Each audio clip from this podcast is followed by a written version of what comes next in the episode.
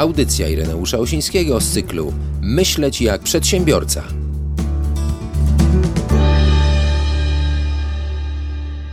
Witam serdecznie w kolejnej audycji z cyklu Myśleć jak przedsiębiorca. Jest to audycja o przedsiębiorcach, dla przedsiębiorców i z przedsiębiorcami, czyli między innymi o tym, że przedsiębiorczość to stan umysłu. Witam dzisiaj w studiu Dawida Piwowarczyka. Witaj Dawidzie. Witam serdecznie. Doktoranta Uniwersytetu Morskiego w Gdyni, czyli dawnej Akademii Morskiej, prawnika, ekonomistę, który jako konsultant wspiera przedsiębiorców oraz zwiększa poziom wiedzy i kompetencji urzędników samorządowych i nie tylko ale przede wszystkim jest jednym z najbardziej popularnych Polaków na LinkedInie. No i teraz pytanie, słuchaj, Dawidzie, jak to zrobiłeś, że jesteś jednym z najbardziej popularnych Polaków? w tym właśnie medium społecznościowym, bo słyszałem, że tam z tobą rywalizował pewien pan Petru, również ekonomista. E, to prawda, e, tak się zdarzyło. Ale jak to zrobiłem, szczerze powiedziawszy, to najbardziej prawidłowa odpowiedź brzmiałaby nie wiem. Stało się same de facto, ponieważ... No wiesz, samo to się grzmi się błyska, no jednak jakieś działania musiałeś podjąć, więc zdrać. Założyłem kiedyś no. swój profil na, na LinkedInie, e, uznając, że, że ten profil dla profesjonalistów jest takim dobrym miejscem. I przez ileś czasu, bo to już chyba z 3 czy 4 lata, grzecznie co jakiś czas publikowałem rzeczy, które rozumiem na tyle się ludziom spodobały, że przyjaciele moich przyjaciół stawali się moimi przyjaciółmi i gdzieś ten efekt kuli śniegowej wystąpił rzeczywiście w tym momencie e, przekraczając 17 tysięcy znajomych no i followersów. Jestem rzeczywiście w czołówce. Aha. Przy czym, co też e, pewnie nietypowe, większość moich znajomych, czy tam grubo ponad połowa to są znajomi, to są pracownicy naukowi i przedsiębiorcy z całej Europy, właściwie z całego świata. Aha, czyli ja rozumiem, że Polska to za mało. Wyszedłeś poza ten nasz polski grajdołek. To też to pewnie wynikało z, z tego, świata. Tak, to pewnie też wynikało z tego, że jako ekonomista co jakiś czas publikuję dane dotyczące sytuacji takiej makroekonomicznej i pewnych trendów w Europie Środkowej i Wschodniej i rozumiem, że to stało się też na tyle atrakcyjne dla moich kolegów akademików, ale również dla przedsiębiorców, że gdzieś to zaczęło być przesyłane i gdzieś zacząłem być popularny w tym zakresie to też chyba wynika z tego, że to jest taki specyficzny portal ludzi, powiedzmy sobie, zawodowo podobnych, więc mhm. znajomość z różnymi profesorami, na przykład ekonomii, powoduje, że potem ich doktoranci dołączają doktorzy, mhm. profesorowie znajomi profesorów, więc to troszeczkę jest taki efekt też chyba kul, kuli śniegowej. Networking bardziej, tak? E, to jest w dużej mierze sieci. Tak, no ten mhm. networking często wygląda tak, mówię to też dla mnie, jako człowieka troszeczkę starej daty, jest takie niezwykłe, że, że jednak większość tych ludzi się nie zna realnie. I przykład ostatniego E, na którym też uczestniczyłem, pokazał, że e, był tam profesor Boji z, z Hongkongu i po spotkaniu, po też rozmowie z panem profesorem, nawiązaniu pewnych kontaktów nau naukowych i biznesowych, mówię, sprawdzę sobie tą osobę na LinkedInie. Sprawdza mi się okazuje, że z panem profesorem na LinkedInie się już znamy dwa lata. A, widzisz. No wiesz, no mając 17 tysięcy tak zwanych followersów, no to ciężko znać wszystkich, tak? Jest taka teoria, która mówi, że no, możemy budować relacje najwyżej jednocześnie ze 150 osobami. Tak, Potem tak, już tak, tak, tak, jest ciężko. Ale powiedz mi, czy piszesz po polsku, czy również po angielsku? Czy głównie po angielsku? Piszę piszesz? i po polsku, i po angielsku. Czyli rozumiem, że jak publikujesz jakiś post na LinkedInie, to on jest w dwóch językach jednocześnie. Yy, też doświadczenie moje uczy, że najczęściej, jeżeli to, jeżeli publikuję posty w postaci zdjęcia, to rzeczywiście tam są krótkie notatki, to są dwujęzyczne. W przypadku dłuższych kwestii, czyli artykułów, robię to w ten sposób, że po prostu yy, już w tytule piszę i najczęściej robię to w jednej wersji językowej. Czyli piszę na przykład, że to jest tylko only.pl lub only.en i jeżeli rzeczywiście jest taki też czasami ciekawy temat, to po prostu go yy, multiplikuję Miałem też jakieś artykuły po niemiecku, ale to moja znajomość jest najmniejsza, więc, więc to dosyć rzadko. Ale doświadczenie uczy, że dłuższe teksty raczej nie wychodzi tam, zresztą na LinkedInie nie za bardzo można zrobić na przykład kolumny, żeby to było mhm. od razu dwie wersje równoległe, więc e, też gdzieś z doświadczenia, też z tego co LinkedIn mi gdzieś tam nauczył, jakieś inne szkolenia, robię to w tej stronie po prostu jednojęzykowe, aczkolwiek rzeczywiście czasami w, e, multiplikuję to i po polsku, i po angielsku. Bo tak słyszałem o ludziach, którzy zaczynają używać LinkedIna jako takiego medium społecznościowego, do budowania swojego wizerunku, swojej marki osobistej, to bardzo często robią to, co robili na Facebooku, czyli traktują LinkedIna jako taką, taką ścianę, gdzie publikują informacje o artykule, który jest na przykład na ich blogu czy na ich stronie. Czy ty też tak robisz?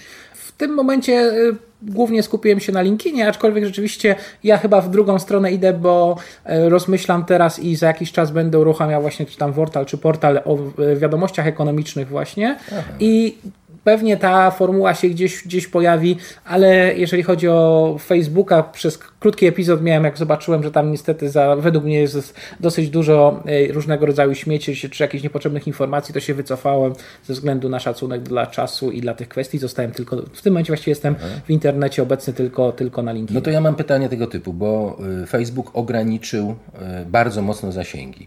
Powiedz mi, w jaki sposób y, Twoje posty, które publikujesz, trafiają do użytkowników LinkedIna? Czy oni, czy oni muszą być w tym momencie, w tym czasie, kiedy Ty publikujesz ten post, czy oni są w jakiś sposób, nie wiem, informowani, czy oni mogą do tego wrócić? Bo wiesz, bo Facebook w ogóle social media mają to do siebie, że one są strasznie efemeryczne.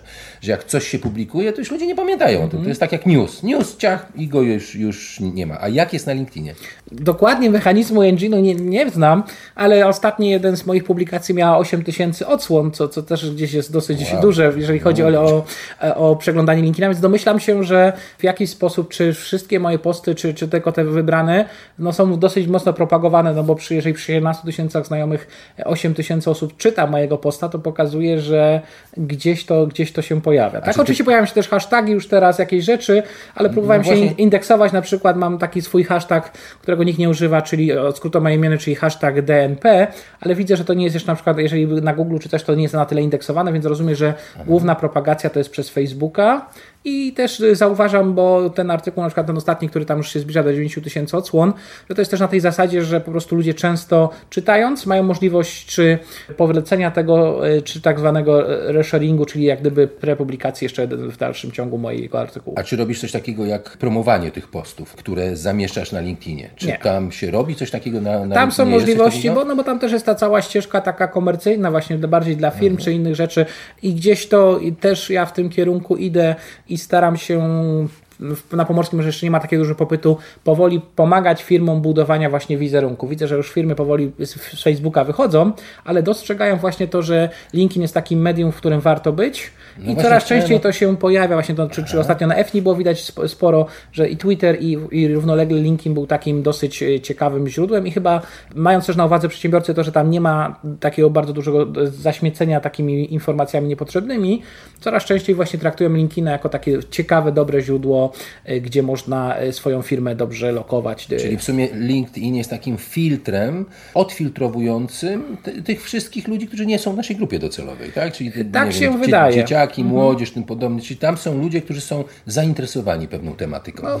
Czyli ja rozumiem, że, że, że, że, jest to medium, które z powodzeniem może budować naszą markę osobistą i przyczyni się do sukcesu w różnych obszarach. Tak, tak? się wydaje. No jeżeli popatrzymy, że, że LinkedIn też się chwali, że ma ponad 500 e, milionów użytkowników, ale to rzeczywiście są ludzie z tej grupy aktywnej zawodowej. Ja mówię, w moim przypadku kiedyś jak budowałem, sprawdzałem indeksację, no to wtedy miałem troszeczkę mniej, bo około 10 tysięcy użytkowników. Na przykład teraz miałem tą informację, że około 4 tysięcy są pracownicy naukowi, około Aha. tam 5 tysięcy to są przedsiębiorcy, właściciele, współwłaściciele lub kadra zarządzająca, no i tysiące były inne osoby, więc to de facto Aha. też y, na przykład, jeżeli bym chciał nawet płatne robić reklamy, to, czy, czy, czy gdzieś w swoich linkach mówić o kimś, też robić jakiś taki powiedzmy sobie lokowanie produktu, to też ci ludzie mają gwarancję, że u mnie to jest dosyć sprofilowane mhm. i że to nie jest tak, że strzelamy w ślepo, tylko że to jest Aha. dosyć już zidentyfikowana i jasna grupa. To ciekawe, czyli ja rozumiem, że, że LinkedIn pomógł Ci zbudować e, swój personal branding, swoją markę osobistą. Dzięki temu e, masz dostęp do 17 tysięcy potencjalnych klientów. To kiedyś Joe, Joe Vitale chyba powiedział coś takiego, że jeżeli masz 10 tysięcy unikalnych swoich adresów mailowych czy followersów, nie musisz pracować do końca życia. I teraz pytanie do Ciebie. Jak w takim razie, no bo mogą nas słuchać ludzie, też, też analogowi, tak? którzy niekoniecznie muszą się dobrze poruszać w tych mediach społecznościowych, ale jak według Ciebie zacząć budowanie marki osobistej na LinkedInie? Od mhm. czego? E, no ja też nie żyję jeszcze z LinkedIna, także że, że żyję też z tych rzeczy bardziej analogowych, z doradztwa i, i No dobrze, to jest dla Ciebie uczenia. PR genialny. Tak, no. tak, ale rzeczywiście LinkedIn jest gdzieś takim e, platformą już troszeczkę wymiany. Jakiś czas temu da, pisał do mnie pan, który się w Stanach zajmuje profesjonalnie jeszcze bardziej tym pozycjonowaniem. No i on twierdził, badając w jaki sposób te informacje, o których ma dostęp do mnie, że jakoby mój profil właśnie na LinkedInie jest wart około 160 tysięcy dolarów, co mnie zdziwiło. O. Nawet byłbym gotowy, jakby ktoś chciał, to mogę odsprzedać za 100 tysięcy dolarów, mogę swój profil odsprzedać, więc myślę, że to są troszeczkę też takie wirtualne pieniądze. Ja też jednak jestem człowiekiem już w pewnym wieku i bardziej analogowym, ale dostrzegam te, te potencjały i też staram się właśnie gdzieś pomagać czy osobom, czy firmom się lokować. I chyba taka moja taka najważniejsza uwaga i najważniejszy, co też według mnie było przyczyną mojego sukcesu, trzeba być po prostu sobą i też jak gdyby nie nastawiać się na y, jakąś dużą komercjalizację. Ja Myślę, że to ta ilość też faulerysów wynika z tego, że ja nie nadużywam tych kontaktów. Aha, to jest chyba ważne, że Tak nie wydaje. pchać się od razu ze sprzedażą, tylko najpierw zbudować zaufanie z tymi swoimi followersami. Czyli ja rozumiem, że nie wiem, trzeba przekazywać ideę, ja- jakąś, jakieś informacje, które są pomocne dla innych ludzi, tak? A niekoniecznie pchać się z ofertą. Tak się wydaje, bo mówię, to, to jest jednak po- po- portal profesjonalistów. Mówię, nie wiem jak to się odbywa na, pewnie na poziomie specjalistów troszkę niższego szczebla, ale ja jednak docieram do ludzi w określonym, e, na określonym też poziomie, bo to są, mówię, pracownicy naukowi, ale to już są głównie samodzielni, bo to są głównie ludzie ze stopniem doktora i profesora. I, A przedsiębiorcy? Czy I przedsiębiorcy, tak. No mówię, tych przedsiębiorców około 4000 z- na całym świecie. Przy czym przedsiębiorcy to głównie rzeczywiście Europa, też jak patrzyłem na, na, te, na te rzeczy. I też widzę, że dla nich, y, jeżeli na przykład chodzi o takie mój personal branding, to jest ta, ta, ta zaleta, że pewnie jakbym chciał u kogoś na przykład pracować, no to to moje CV trafi na gigantyczny sztapel, bo dobry przedsiębiorca ma setki czy tysiące chętnych ludzi. A jak ja tutaj coś piszę, i widzę na przykład, że nie wiem, z KPMG czy, czy z, z EU czyta mój post y, 200 osób na przykład w Europie, no to nawet jak ja bym pewnie chciał do nich kandydować, to miałbym całkiem inne przełożenie, bo ja mogę powiedzieć, ja mogę zrobić CV w ten sposób, że pokażę, słuchajcie, wy mnie potrzebujecie, bo 200 waszych pracowników waszej firmy konsultingowej to o, z, moich y, postów na przykład na LinkedInie czerpie wiedzę o sytuacji ekonomicznej w Polsce. To myślę, to, to, to, to, jest, to jest ta przewaga, którą gdzieś rzeczywiście można z czasem sobie wypracować. To ciekawe, a czy zauważyłeś może coś takiego, że jak, nie wiem, ktoś ci daje zaproszenie do LinkedIna i ty klikniesz to, to zaproszenie, to zaraz dostajesz informację od tej osoby, czym ona się zajmuje i co ona mogłaby ci sprzedać. Masz takie E, sytuacje? Zdarza się, przy czym na, mówię, na te 17 tysięcy znajomych obecnie, to może miałem takiej sytuacji około 100. Czyli większość ludzi gdzieś się sieciujemy. Jeżeli już to ewentualnie rzeczywiście też jakaś wymiana grzecznościowa na tej zasadzie, że, że, że sobie mówimy o możliwych projektach, ale rzeczywiście kilka jakichś rzeczy biznesowych, y, które realizuję, czy które teraz gdzieś się krystalizują, to są takie projekty, właśnie, że nigdy bym się z tym nie spotkał w realu. Przykładowo mam dosyć ciekawą propozycję z Indii dotyczącą możliwości publikacji naukowych i jakiejś współpracy biznesowej. Ostatnim czasem też rozumiem, że z LinkedIna znalazł mnie pan z Zurichu, który jest szefem organizacji y, wolnych stref handlu na świecie, jednej z większych organizacji. I się okazuje, że pan do mnie przysyła i od razu też y, proponując współpracę, na przykład daje mi dostęp do w chmurze do wszystkich ich publikacji, które normalnie są Coś płatne. takiego, no to rewelacja, to rzeczywiście, czyli jednak relacje są tutaj bardzo ważnym elementem. A powiedz mi, czy, czy ktoś uczy w ogóle tego, czy to jest jakiś, nie wiem, dochodowy segment rynku, czy ktoś uczy w Polsce tego, w jaki sposób budować swój, swój wizerunek na LinkedInie? Z tego co wiem, to w Polsce nie jest to jeszcze duży segment. Rzeczywiście, na przykład w Stanach Zjednoczonych, no to już są gigantyczne pieniądze. Ci najlepsi y, specjaliści od LinkedIna, ci, którzy też mają dużo tych y, followersów, są w stanie zarabiać już dziesiątki, jeżeli nie setki ty- tysięcy dolarów y, właśnie z zrobienia różnego rodzaju Na czym warsztatów i rzeczy. zarabiają? Czyli na warsztatach zarabiają, na Oni- szkoleniach, sprzedają przez LinkedIna, rozumiem, tak? Nie, oni de facto chyba największe pieniądze zarabiają na tym, że inni mówią, jak, jak wyglądać na LinkedInie. To jest tak, bo, bo proszę zobaczyć, to też wynika z tego, że coraz więcej na przykład nakładów marketingowych rzeczywiście idzie w te nowe media i domyślam się, że rzeczywiście może profile osób podobnych jak ja mogą być warte te 100 tysięcy czy tam 200 prawie tysięcy dolarów w Stanach, bo no jeżeli coraz więcej ludzi żyje w tym wirtualnym świecie, to też się staje taki rzeczywiście ciekawy kanał współpracy. Mamy coraz więcej e, freelancerów, innych ludzi, którzy gdzieś pracują tylko wyłącznie wirtualnie. I wtedy ja rozumiem, że taka osoba, która przyjeżdża i za powiedzmy te 60 tysięcy robi dwugodzinny speech mówiący o tym, jak dobrze wyglądać w LinkedInie, ludzie płacą za to czasami kilka tysięcy dolarów, żeby wziąć udział w takim właśnie evencie. To ciekawe, to w takim razie Jeżeli ktoś by do ciebie napisał, zadzwonił, skontaktował się z tobą i powiedział, czy w takim razie mógłby mnie pan nauczyć, panie Dawidzie, tego, jak dobrze wyglądać na, na LinkedInie? Czy podjąłbyś się takiego wyzwania?